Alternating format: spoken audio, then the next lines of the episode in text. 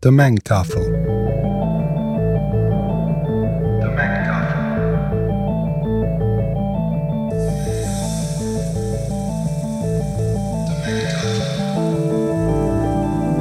De Mengtafel.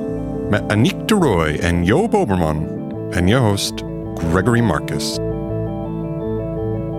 In dit seizoen duiken DJ-producers Aniek de Roy en Joop Oberman dieper in de klassieke muziek. Met iedere aflevering een gast die klassieke stukken voor hen meebrengt. Waar gaan ze naar op zoek?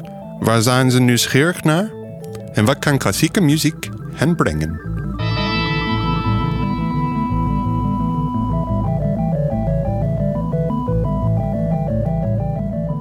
De Mengtafel is een samenwerking tussen beeld en geluid, NPO Radio 4 en is opgenomen in Kunstcentrum Het Hem in Zaandam.